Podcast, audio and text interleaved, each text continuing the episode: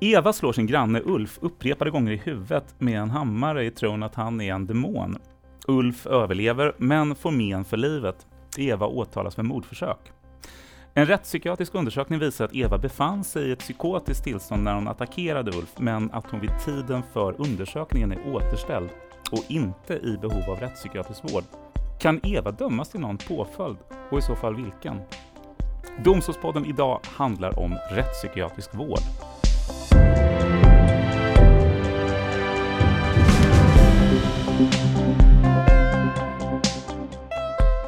Och jag säger hej och varmt välkommen till Domstolspodden Johan Larsson, överläkare och rättspsykiatriker på Rättsmedicinalverket. Tack så mycket.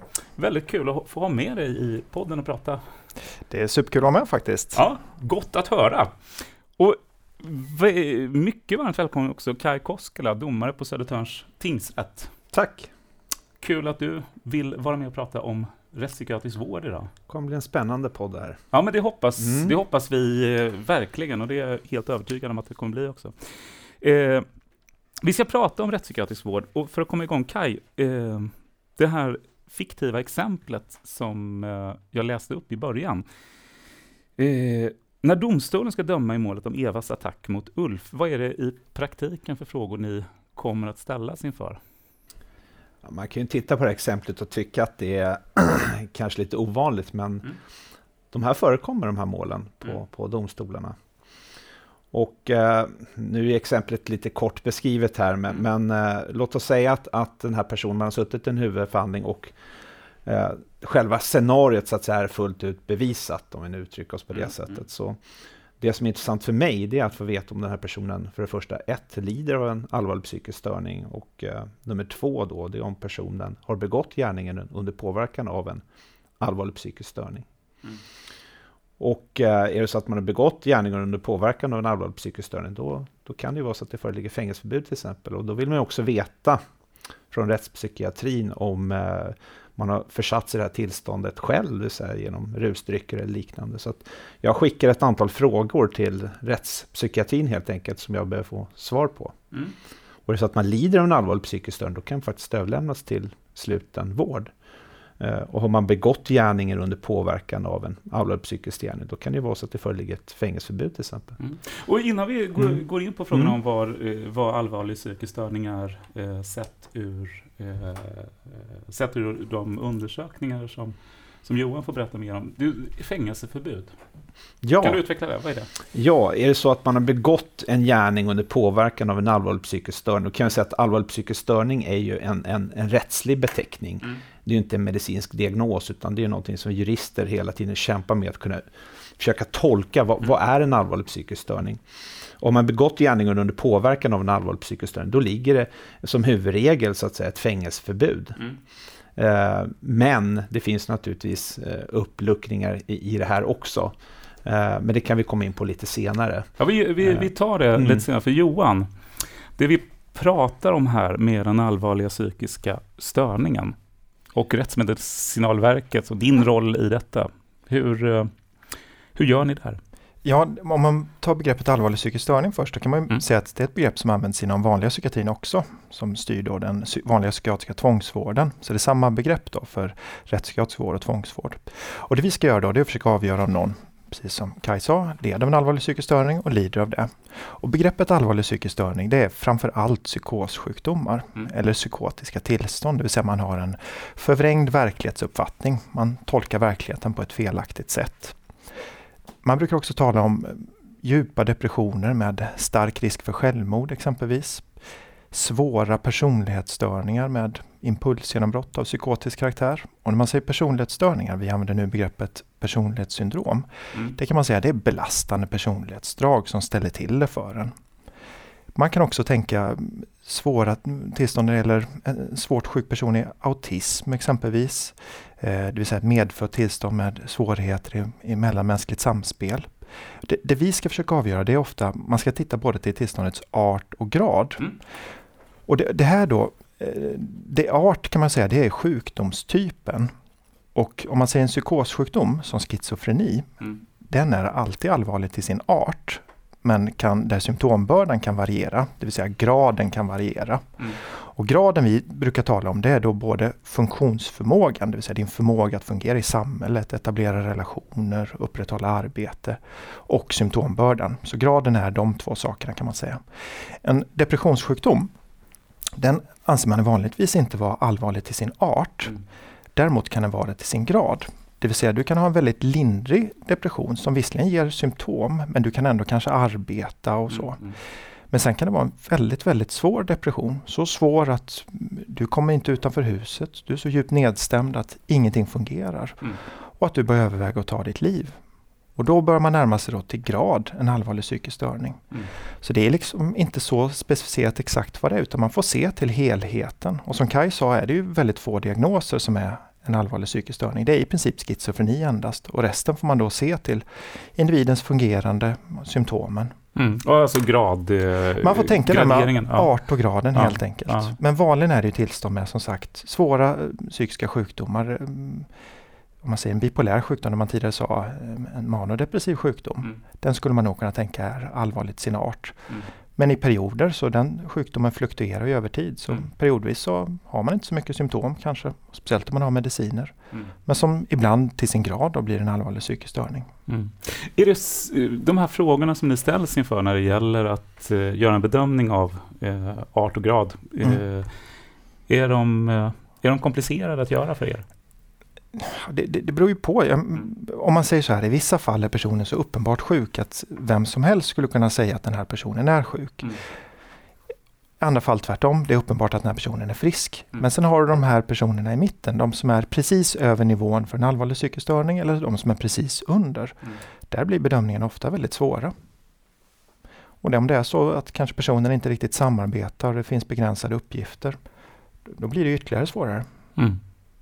Det, det här, eh, den undersökning som ni levererar och när Kai eh, som domare får det materialet, vad, vad, är det, vad är det du får från, från Johan och hans kollegor på Rättsmedicinalverket? Ja, det var ju som jag sa att det här med allvarlig psykisk störning är Mm. ett, ett, ett rättsligt begrepp och vi är ju i princip helt i händerna på rättspsykiatrin. Vi, vi har ju inte särskilt mycket utbildning i vad de här diagnoserna innebär och, Mm. och vad det kan ge för uttryck i, i mänskligt handlande. Mm. Det känner inte vi till. Och ibland kan det vara så också att vi får det här materialet och man tycker olika inom Mm. gruppen. Sen finns det alltid en ansvarig person som naturligtvis eh, sätter ner så att säga vad, vad det samlade resultatet står för. Man får ju alltid ett utlåtande. Eh, men sen kan det vara så att, att delar av de som deltagit i det här teamet då är av annan uppfattning Mm. kan man liksom läsa mellan raderna. Dessutom kan man skicka till Rättsliga rådet Mhm. som kanske också har en annan uppfattning. Dessutom kan försvarsadvokaten eller försvaret plocka fram en tredje person som läst in sig på materialet och uttrycka en tredje uppfattning. Mm. Så att, att alltid slå ner och kunna bedöma vad en allvarlig psykisk störning är, är väldigt, väldigt svårt. Speciellt när vi saknar den specialistkompetensen som, som Johan och, och hans kollegor har. Så att det här är ju en, en, en väldigt svår bedömning många gånger. Alltså vi rör oss på, på, på en mark som är ganska okänd för oss. Sen bygger vi upp en erfarenhet naturligtvis eh, genom att vi, vi dömer i de här målen och vi träffar folk med de här olika diagnoserna. Men, men samtidigt, det är svårt. Eh, Det ska vi helt ärliga och säga.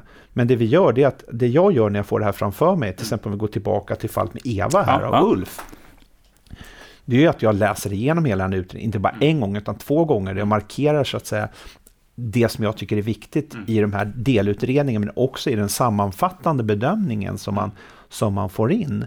Mm. Eh, och sen så måste jag också dra en egen slutsats. Det är faktiskt domstolen som bestämmer vad som är en allvarlig psykisk Ja, störning. Precis. Men som sagt, vi går i, i praktiken och, och, och jag ska säga teorin också aldrig emot rättspsykiatrin. Jag har någon gång skrivit att, att yttrandet varit något spekulativt och sånt där.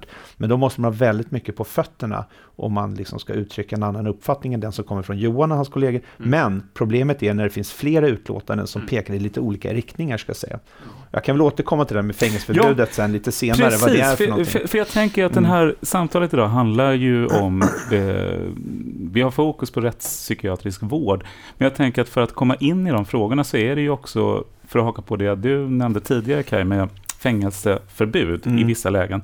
Och att varför har vi, varför har vi fängelse och vård eh, som alternativ här? Vad, vad, vad, är det det handlar om? Kan säga fängelseförbud är precis vad ordet, ja. hur det låter, alltså mm. förbud att döma till fängelse. Mm. Eh, är det så att du helt saknar insikt i vad du har gjort, mm. låt oss säga att man har ett uppsåt, det är så att du har förstått vad du har gjort för någonting, mm. men, men du ändå saknar på något sätt insikt i själva gärningsmomenten. Mm. Kan komma in lite närmare på vad det betyder mm. lite senare sen. Men då, då är det ju i princip så att du inte kan dömas till fängelse. Mm. Du ska inte dömas till fängelse, du ska inte i princip få någon annan påföljd, kanske möjligtvis skyddstillsyn.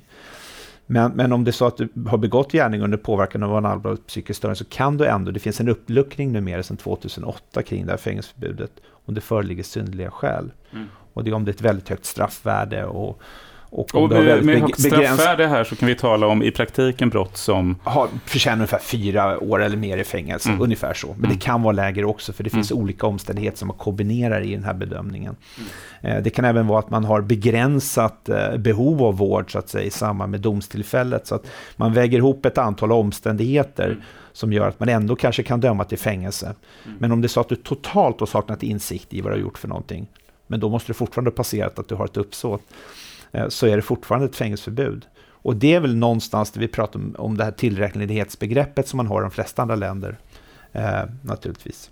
Det, det, är många delar här nu. Jag tänker mm. vi kan mm. börja med mm. Eh, de bitarna som handlar om eh, insikt och uppsåt. Som jag är inte helt säker på att alla som lyssnar på podden är fullt, fullt införstådda med vad, vad är detta för någonting i praktiken. Och ser man ser man olika, eh, från, från medicinskt håll, när, vi, när Kai pratar om insikt och uppsåt och, eh, eh, och handlingskontroll och så vidare.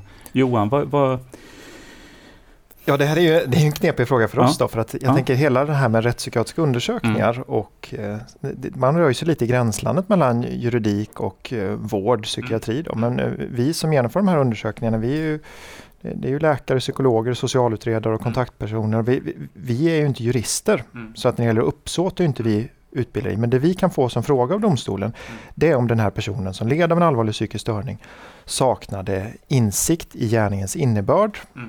eller hade då en nedsatt förmåga att anpassa sitt handlande efter en sån insikt. Så vi kan få de frågorna då. De är då kopplade till det här absoluta fängelseförbudet.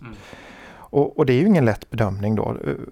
Kan, kan, kan, vi ta det utifrån, alltså det här fiktiva exemplet med ja. Eva och Ulf. Eva eh, tror vid gärningstillfället att Ulf är en demon.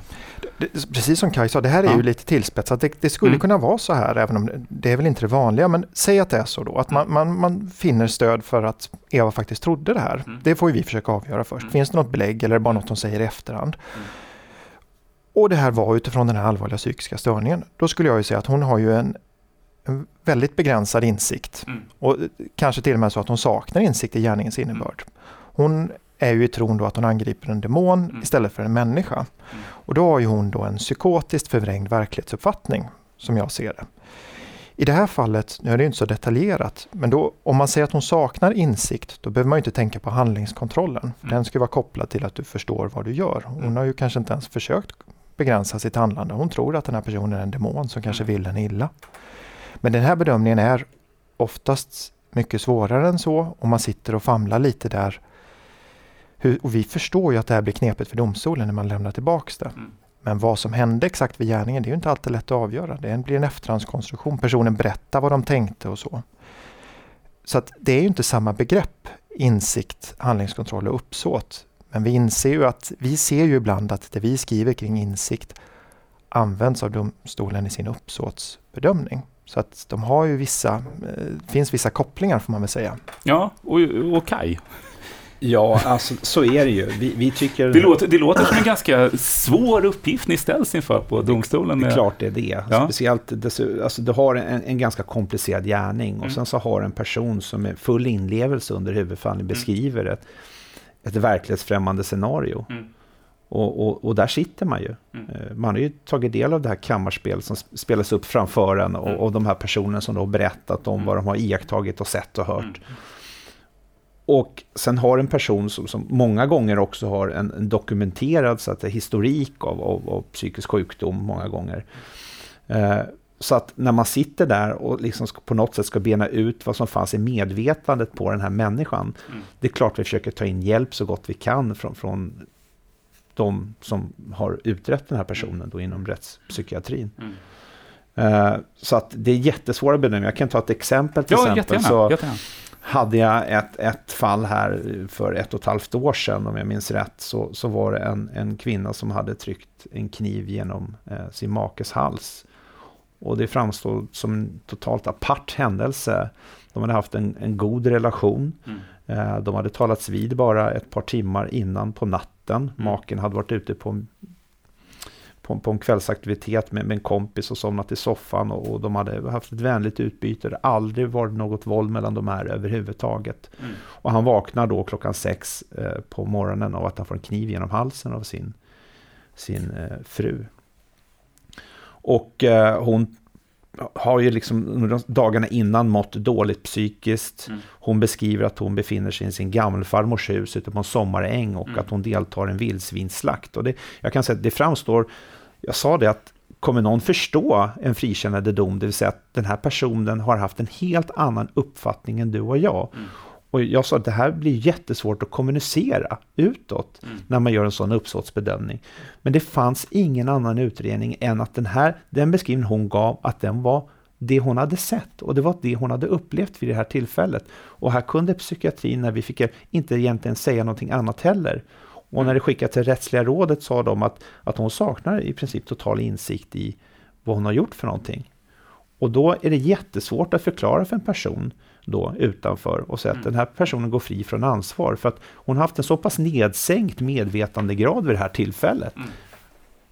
Att hon har ingen skuld. Men här måste jag, för jag kan ja. ju, när jag hör dig berätta om exemplet mm. så tänker jag ju spontant samma sak också, att det här låter märkligt och att man ska någon begår en handling, alltså mm. den, den här personen begår en handling, mm. men kan inte dömas. Och jag mm. antar att i detta finns aspekter som rör också en rättssäkerhet för den enskilde. Alltså många många vad, tänker sig en lucka i lagen. Det, ja, precis. Men det är ju inte så. Utan vi lever i en rättsstat där, vi, ja. där varje människa ska prövas utifrån sin skuld. Mm. Och skulden är uppdelad dels ett i att man ska ha begått själva gärningen rent mm. objektivt. Mm. Inga, ingen nödvärn eller någonting sånt, utan mm. du ska konstatera. Men också att du, du liksom eh, rent medvetandemässigt ska ha förstått vad du har gjort för mm. någonting. Och så var det, det inte måste, i det här fallet? Nej, alltså, det måste ändå vara ett grundkrav i en rättsstat att ja. du måste ha förstått vad du har gjort för någonting. Ja. Och lever du så att säga i en parallell verklighet, mm. där det du har gjort, det du upplever är någonting helt annat. Mm.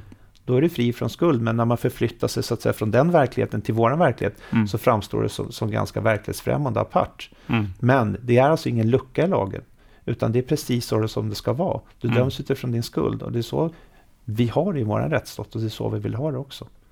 Och jag tänker de här frågorna eh, vill jag definitivt komma tillbaka till. Men jag tänker också att i, i de här delarna som handlar just om eh, fängelse eller vård. Jag tror att eh, för väldigt många så är väl kanske en bild av vad ett fängelsestraff innebär i praktiken. Eh, lite mer känt än när vi pratar om eh, den rättspsykiatriska vården. Eh, Johan, om man eh, döms till rättspsykiatrisk vård, vad är det man döms till?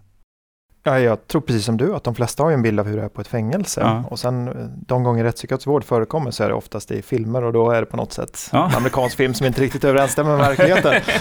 eller vad vet jag, det gäller amerikansk vård. Men, nej, men, du har inte gjort studiebesök där? För nej, nej, inte gjort. Nej. Eh, vad man kan säga, i Sverige innebär ja. det så att då förs du till en rättspsykiatrisk vårdenhet mm. och de finns utspridda i Sverige. Mm. Och om man ser inne i miljöerna, då ser det ofta ut som en vårdavdelning. Mm. Men de är ju likt fängelse då. De har ju ofta murar och det är, liksom, det är väldigt hög säkerhet så. Mm. Så det är en form av fängelse och vårdavdelning på det sättet. Och de som är inne på avdelningen, de är inte kriminalvårdare utan det är vårdpersonal. Det är läkare, sjuksköterskor, mentalskötare, psykologer och så vidare. Mm. Och man är ju där för att man har ett behov av vård. Mm.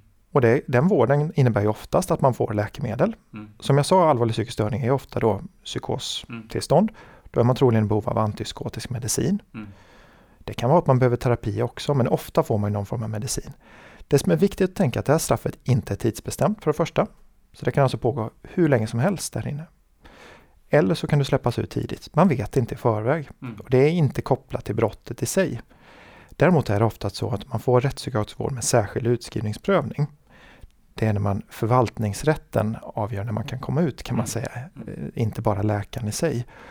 Och det är oftast när det, det finns då en risk för återfall i brottslighet av allvarligt slag. Mm. Då finns det ju en, en sån aspekt i det också. Att man kan inte komma ut förrän då risken är lägre. Mm. Så är du en person som exempelvis sitter i fängelse och avtjänat ditt straff men du fortfarande kan anses vara en farlig person, då släpps du fortfarande ut Mm. när straffet är avtjänat. Mm. Så blir det inte inom rättspsykiatrin. Så man behandlar ju både tillståndet men ska också minska risken för återfall. Och, och ibland får man uppfattningen att folk tänker att det är på något sätt något väldigt lindrigt att vara inom vård. Ja, är det inte alltså begreppet som sådant? Ja, Vårdlov, det men signalerar menar, väl? eh, ja, Kanske. Ja, Ja. Alltså, jag menar, det ingår, jag, jag tycker så här, mina erfarenheter när jag Mm. har eh, dels varit läkare på vårdavdelningar och de kom, kom på besök när jag ska göra bedömningar. Mm. Det är oftast en väldigt fin miljö. Så. Folk tar ju ett ansvar, det är ingen penalism så, utan man, man vill vårda de här personerna. Mm. Men det är också, du har förlorat väldigt många rättigheter nu på rättspsykiatrisk tvångsvård. Du kan få medicinering mot din vilja, det kan du inte få på ett fängelse. Mm. Och vanligen innebär det att du får då injektioner med antipsykotiska läkemedel som sitter i flera veckor.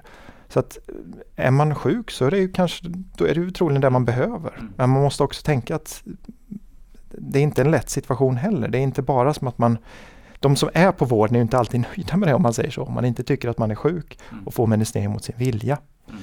Eh, sen ska man ju försöka samarbeta i så stor utsträckning som möjligt. Men jag ser det ju inte liksom som att det är något väldigt lindrigt rättspsykiatrisk vård. Det kan ju innebära att du sitter inlåst under många, många år. Mm.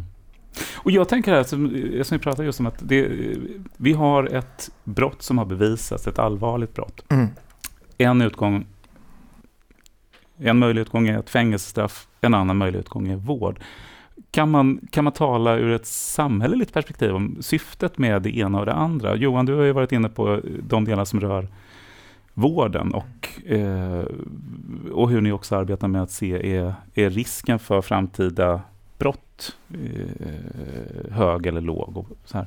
Kan, om man tar fängelsestraffet och syftet med att ha fängelse som, som straff för samhället. Vad kan man säga kring det i kontrast till vården?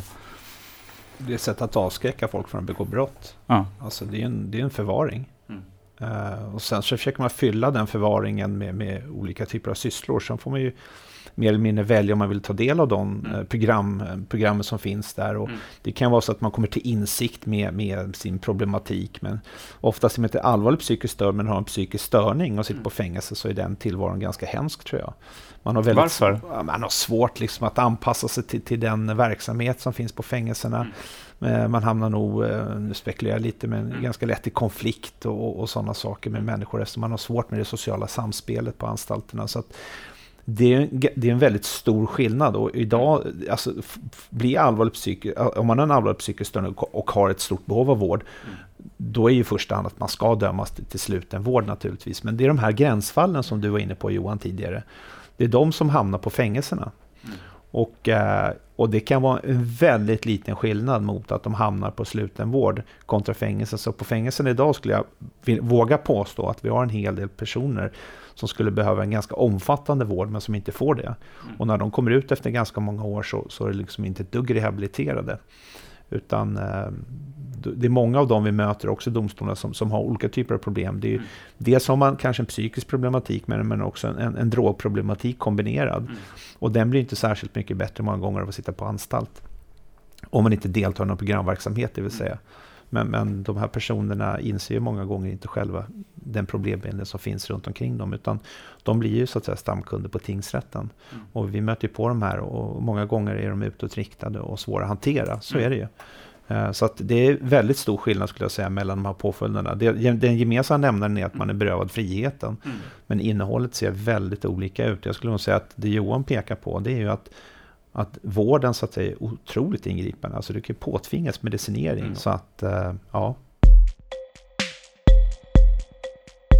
När vi landade i att ja, men rättspsykiatrisk vård, frågan om, om allvarlig psykisk störning är ett intressant poddämne så är det alldeles, det är jag ju helt öppen med.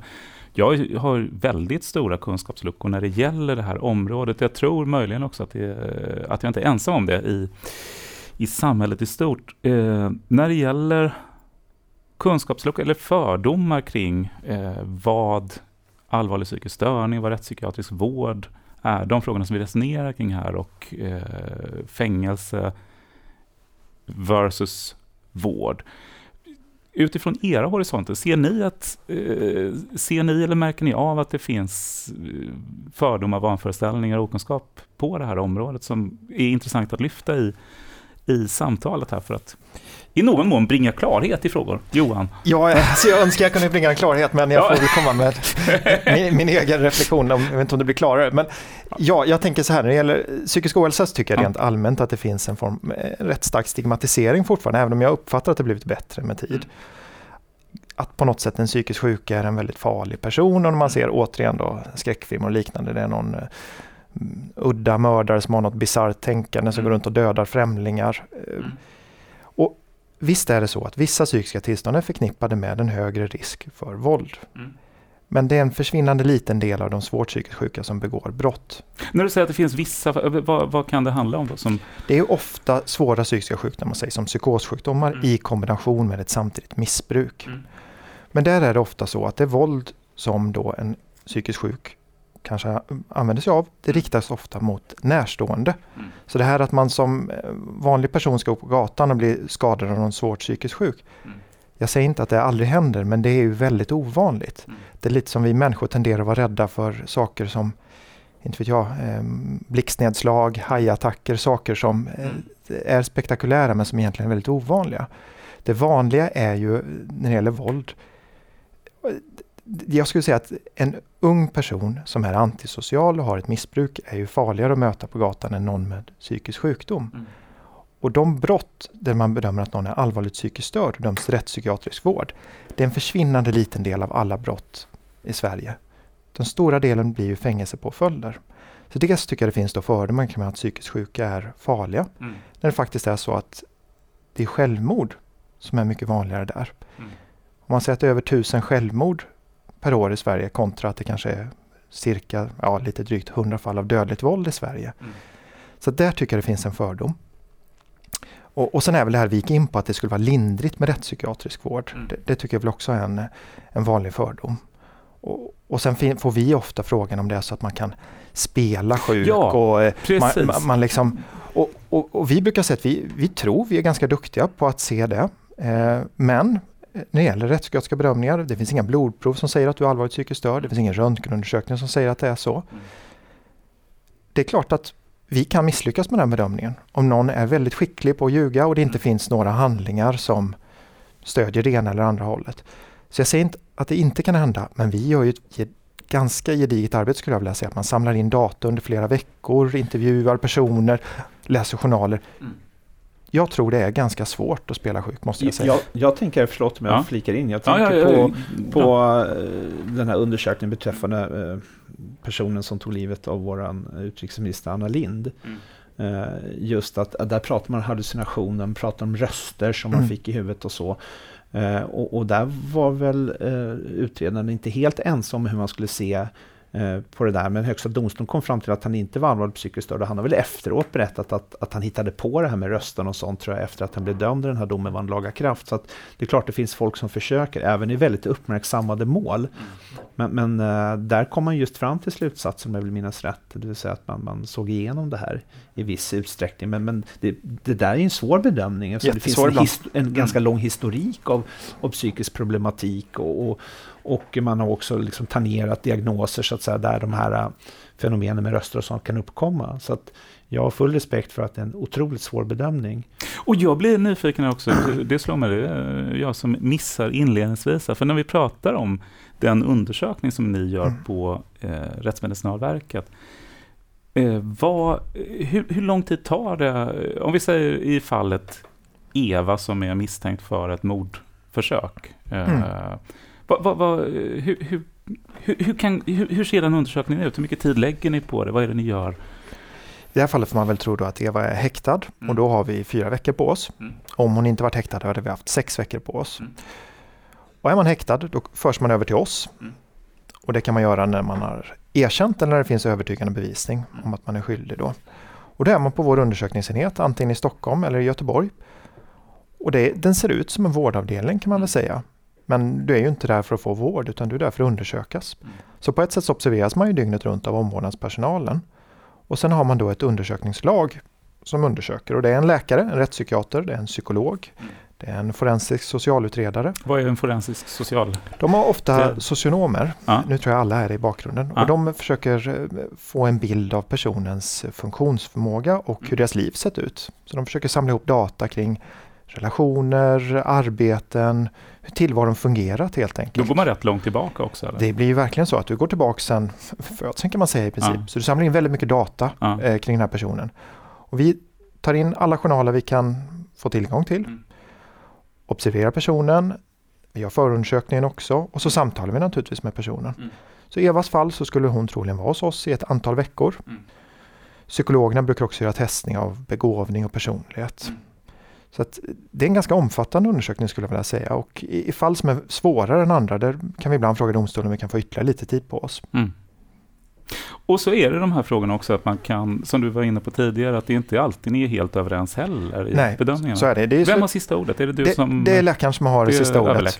Men, men det är naturligtvis så att eh, om Kai kommer naturligtvis märka om jag skriver då i utlåtandet att jag tycker det är så här. Jag kommer ju föra fram då att övriga undersökningslaget inte är med mig. Vi, man vill ju vara transparent med hur bedömningen går till.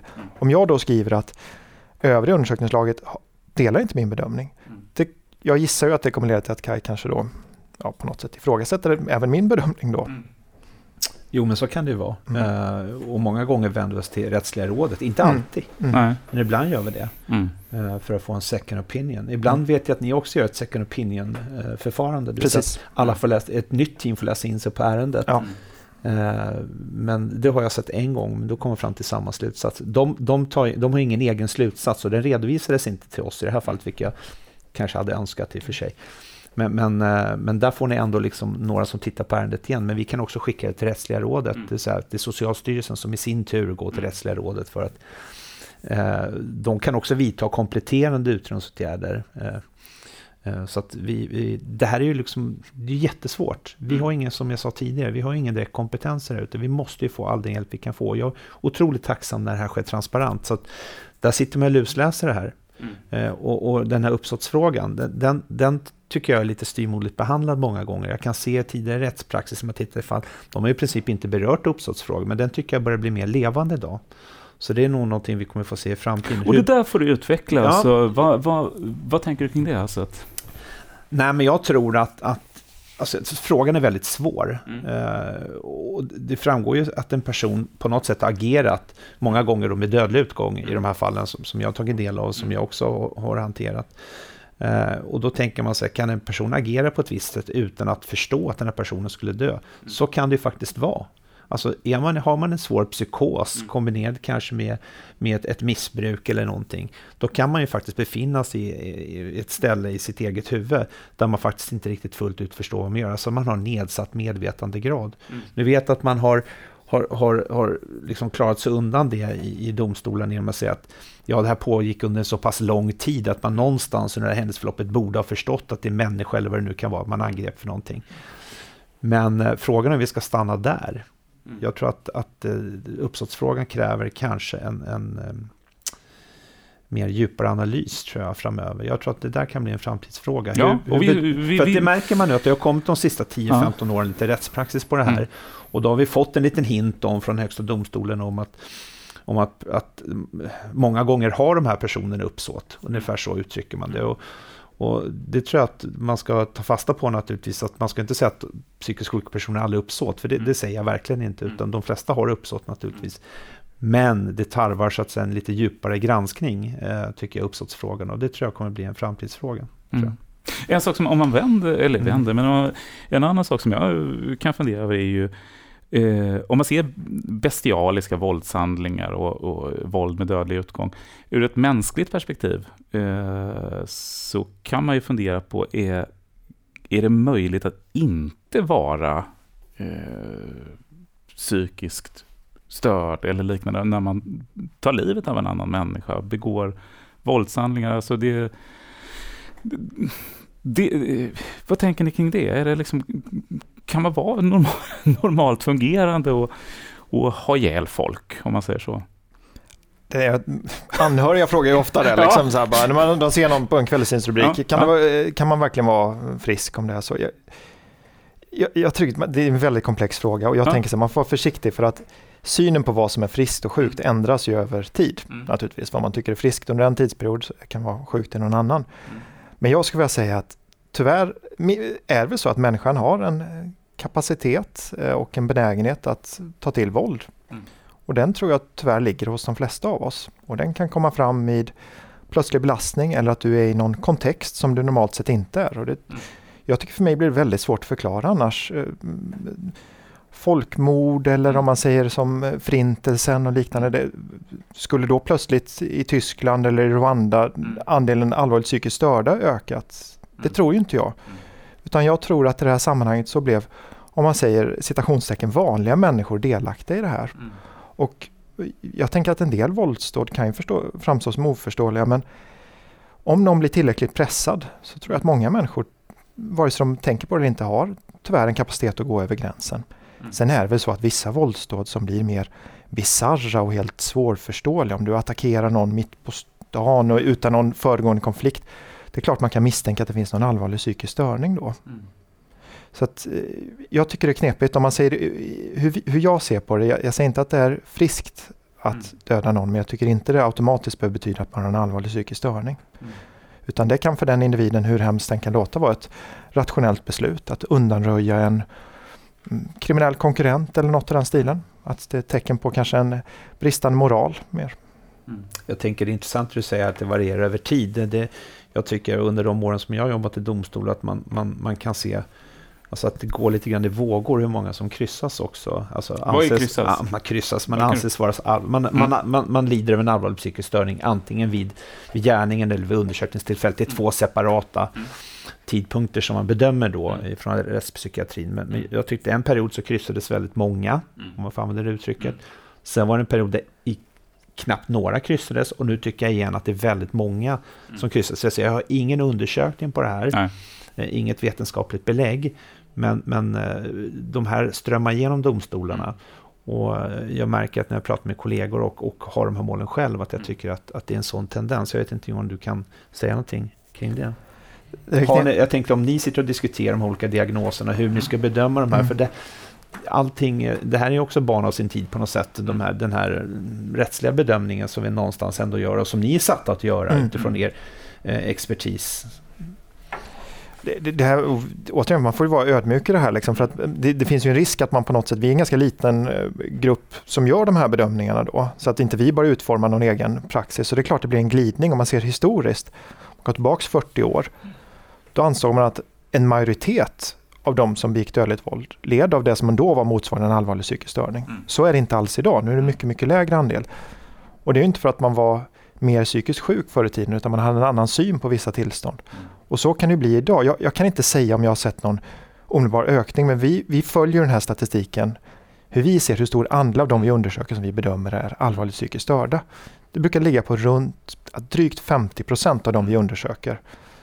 Men det är svårt att säga något för det handlar ju om också vilka som kommer in för undersökning. Mm.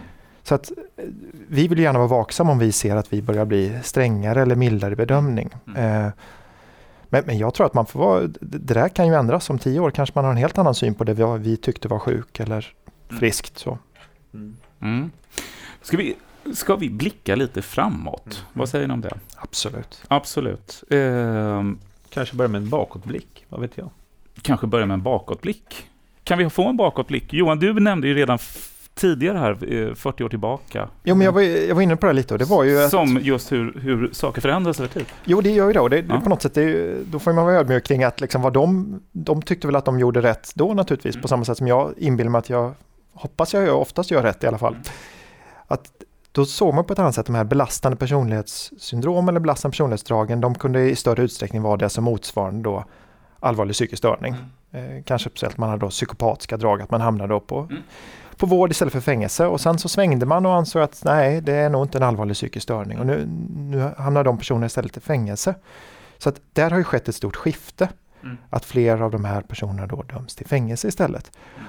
Och därför man utifrån det blir det ju svårt att se hur blir det i framtiden. Kommer det fortsätta så då att man att det här minskar eller om nu Kajs spaning är korrekt att det kanske ökar. Hur, hur ska man se på det här? Och det är också kopplat till den lag vi har. Och det skulle jag säga att Sverige är lite en, ett, ett specialfall för att Förklara. många länder har ju inte det här att man dömer någon som är svårt psykiskt sjuk. De anses liksom inte kunna ta ansvar för sina handlingar. Och vi har ju inget otillräknelighetsbegrepp på det här sättet i Sverige. I många länder så kan det ju vara så att om du de allra svårast sjuka som inte har någon förståelse för vad de gör, de kan inte riktigt förstå vad det är för gärning de utför. De tas i förvar men det blir liksom inget, de döms inte så. Det är det här klassiska amerikanska filmer igen då. Mm. Eh, Not guilty by reason of insanity. Mm. Det har vi inte i Sverige utan man eh, antingen är det då som Kaj säger att man får säga att de personen kanske inte hade uppsåt eller så döms de till rättspsykiatrisk vård. Mm. Men det här mellansteget då att du, du kanske saknar uppsåt men du tas ändå i förvar som någon form av mer samhällsskydd och mm du är ju väldigt sjuk då så då behöver du ju vård också. Så det kan man ju undra, det har ju varit utredningar kring det här om man ska eh, införa det här med tillräknelighet igen i Sverige. Så... Jo, har du någon åsikt där för egen del? Borde det, borde det införas? Ja, alltså på något sätt, jag har inte jobbat jättemånga år men ju mer man jobbar så tycker jag att det finns lite märkligheter med det här nuvarande sättet. Att jag, jag, jag kan nog tycka att man skulle ha det.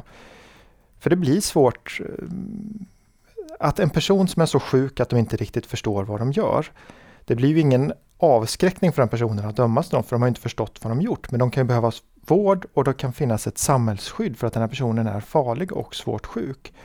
Så jag tror att man från samhällets sida skulle tycka det var lite märkligt av medborgarna om någon som exempelvis mördar någon är så sjuk att de inte har uppsåt och släpps fri omedelbart, att det kan vara svårt för resten av samhället att förstå hur kan det vara så här? Och samtidigt som det inte riktigt känns rättvist att säga att den här personen kan ta ansvar och vara skyldig till det här, för de har ju inte förstått att de har gått ett brott kanske. Så, så jag tycker nog personligen att det kan finnas flera fördelar med, med det här otillräknelighetsbegreppet återinförs. Men Ja, det är inte, ingen vi har en form av otillräknelighetsbegrepp ändå, får man nog säga, i, i lagstiftningen. När vi säger det att har du begått gärning under påverkan av alla psykisk störning, mm. som du inte själv har, har mm. Eh, vållat, så finns det ett, ett absolut fängelseförbud om det är så att du totalt saknar insikt. Mm. Men det blir märkligt att det är domstolen som, som ska göra den mm. bedömningen, tycker jag. Och, och, många gånger så att säga så, så genas det lite grann tror jag i uppsåtsfrågan också när man kommer fram. En fråga som jag dessutom mm. tror kommer att uppmärksammas mm. mer eh, framöver. Och, och, det ser märkligt ut i ett internationellt perspektiv och att i Finland, till Norge eller Danmark, ja. mm. där har man det här begreppet. Men, men, eh, och sen så har man ju haft statliga utredningar som har föreslagit det under hela 2000-talet. Senast 2012 tror jag man hade en offentlig, en statlig utredning som, som vill införa det här begreppet. Och man tyckte att det var ganska tunga argument, nu ska jag inte återupprepa dem, men ganska tunga argument som, som gör att man borde införa det här begreppet. Men det händer liksom inte. Jag vet inte om man är rädd för interneringen eller vad man är för någonting. För att något samhällsskydd måste vi ha, för, för konsekvensen kan bli precis det Johan sa här. Mm. Det kan bli också som i det här fallet som vi inledde med här. Med Eva? Det vill säga att Eva, mm. hon går hem igen. Mm. Och bor granne med Ulf. Mm. Och eh, det tror jag sticker i ögonen på, på, på de eh, medborgare som, som vi har där ute. Alltså det är jättesvårt att, att förklara de här sakerna som jag hade mitt vildsvinsfall. Mm. Hur ska jag pedagogiskt kunna förklara det här? Mm. Alltså jag förstår det utifrån från ett perspektiv med rättsstat och sådana mm. saker, att den här personen är fri från skuld. Mm. Och vi har ingen utredning som bevisar motsatsen, det vill säga att man har hittat på det här. Utan att det här var personens verklighet. Mm. Och det, det är svårt att kommunicera. Mm. Eh, och eh, man brukar som politiker, politiker brukar säga att man ska rätta till saker, det vill säga att någonting som är fel. Jag vet inte om det är någonting som är fel här. Mm. Så att det kanske inte finns någonting att rätta till, men jag tror att man behöver göra en systemförändring där vi fångar upp de här personerna, för vi måste få ett skydd, ett samhällsskydd, mm. där vi liksom de här personerna på något sätt skyddas ifrån både kanske sig själv, men också att, att göra andra illa. I alla fall där man konstaterar att det finns en hög grad att man återfaller i brott. Mm. Och i allvarlig brottslighet, ska vi säga. Men att de ska hanteras i domstolarna, det är jag... Ibland undrar jag, har haft kvinna, en kvinna som jag tänkt på, hon förstod inte ens att hon satt med i en rättegång under hela den processen som vi hade. Hon förstod inte vad hon gjorde där. Så när jag gav henne beslut på slut, hon förstod inte. Mm. Och då känns det märkligt eh, eh att de liksom hanteras i domstolarna.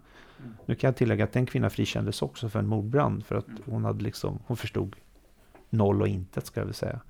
Mm. Hon förstod inte ens att gå ut i salen. Så det känns märkligt att hantera de här personerna, i vart fall de som är väldigt, väldigt svårt sjuka, skulle jag säga. Eh, sen finns det en stor del de som vi hanterar som en allvarlig psykisk störning som ändå går att hantera och göra mm. bedömningar. De är hyfsat rationella och sådär. Mm. De har kanske inte så här djupa psykoser som Johan pratar om, men, men de är ändå så pass sjuka att de liksom faller in i begreppet allvarlig psykisk störning. Ja, för det skulle jag vilja ja. inflika, att den mm. gruppen vi pratar om som då skulle vara otillräkneliga exempelvis, ja. det är ju en, en väldigt liten del av dem. Ja. Så jag tror för de flesta så går det ju att resonera att man har haft en förståelse för mm. de gärningarna. Men om man exempelvis skulle hårdra då och säga att om jag ska svara på en av Kajs frågor, om någon har saknat förmåga att anpassa sitt handlande. Mm. Om man inte kan anpassa sitt handlande, då har jag som icke-jurist svårt att förstå. Jag menar, då styr ju inte jag över mitt eget handlande. Hur kan jag då mm. vara skyldig? Liksom? Nej. Mm. Det, det, är knepigt för mig att förstå, tycker mm. jag. Eh, det låter som att det finns ett antal frågor att arbeta vidare med i framtiden. Absolut. Absolut. Jag tror att vi, ja. vi ser stora samhällsförändringar som är på gång också. Mm. Uh, där det växer upp en hel generation, så att säga, människor som, som, som får en... Alltså de, uh, de matas med kriminalitet redan från ung ålder och, och liksom saknar kontakt egentligen med, med, med samhället i övrigt. Att man skapar antisociala och ganska empatilösa människor också. Så det, jag tror att det här blir också en framtidsfråga. Mm. Det finns ganska mycket som, som som vi har att jobba med framöver och många frågor som är viktiga att uppmärksamma så att vi inte urholkar heller rättssäkerheten mm. för de här människorna som är väldigt sjuka. Uh, mm. ja. Väldigt kul att få ha ett samtal om eh, frågor som rör eh, rättspsykiatrisk vård, allvarlig psykisk störning, fängelse kontra vård det hade kunnat gå att prata betydligt längre om det här ämnet. Eh, men jag eh, säger att vi får börja sätta punkt i, den här, i det här samtalet här och nu. Jag skulle säga stort tack Kai Koskela, domare Södertörns tingsrätt, tack, för att du ville vara med i Domstolspodden. Tack, tack. Ja. Det var väldigt kul. Ja, vad mm, kul mm, att mm, höra. Mm. Vad väntar dig när du går härifrån vår studio? Ja, ett så, jag har ett, ett spännande vårdnadsmål att, att sätta tänderna i här på eftermiddagen. Så det är vad jag har att göra framöver. Mm, lite kontraster gentemot dagens poddsamtal. Johan Larsson, överläkare, rättspsykiatriker, Rättsmedicinalverket. Jättetack för att du ville vara med och prata i Domstolspodden. Tack så jättemycket, det var jättetrevligt att vara med. Ja, kul att höra. Din dag, vad väntar dig efter att du lämnar Torsgatan där vi sitter och spelar in idag? Jag ska få åka tillbaka till eh, rättspsykiatrin innanför murarna och ha ett lönesamtal. Och ha lönesamtal? Jajamän. En om möjligt ännu större kontrast, eh, kanske, än Kajs. Eh, och för egen del så, så kommer vi spela in fler poddar idag, så att det, det blir full rulle. Till er som har lyssnat på Domstolspodden eh, vill jag bara säga att ni får jättegärna höra av er till oss i poddredaktionen. Antingen via vår eh, nystartade Facebook-sida som ni hittar på eh, Domstolspodden på, på Facebook. Och annars så kan ni ta den gamla vanliga vägen och mejla. Och då mejlar ni oss till domstolspodden snabeladom.se. På återhörande.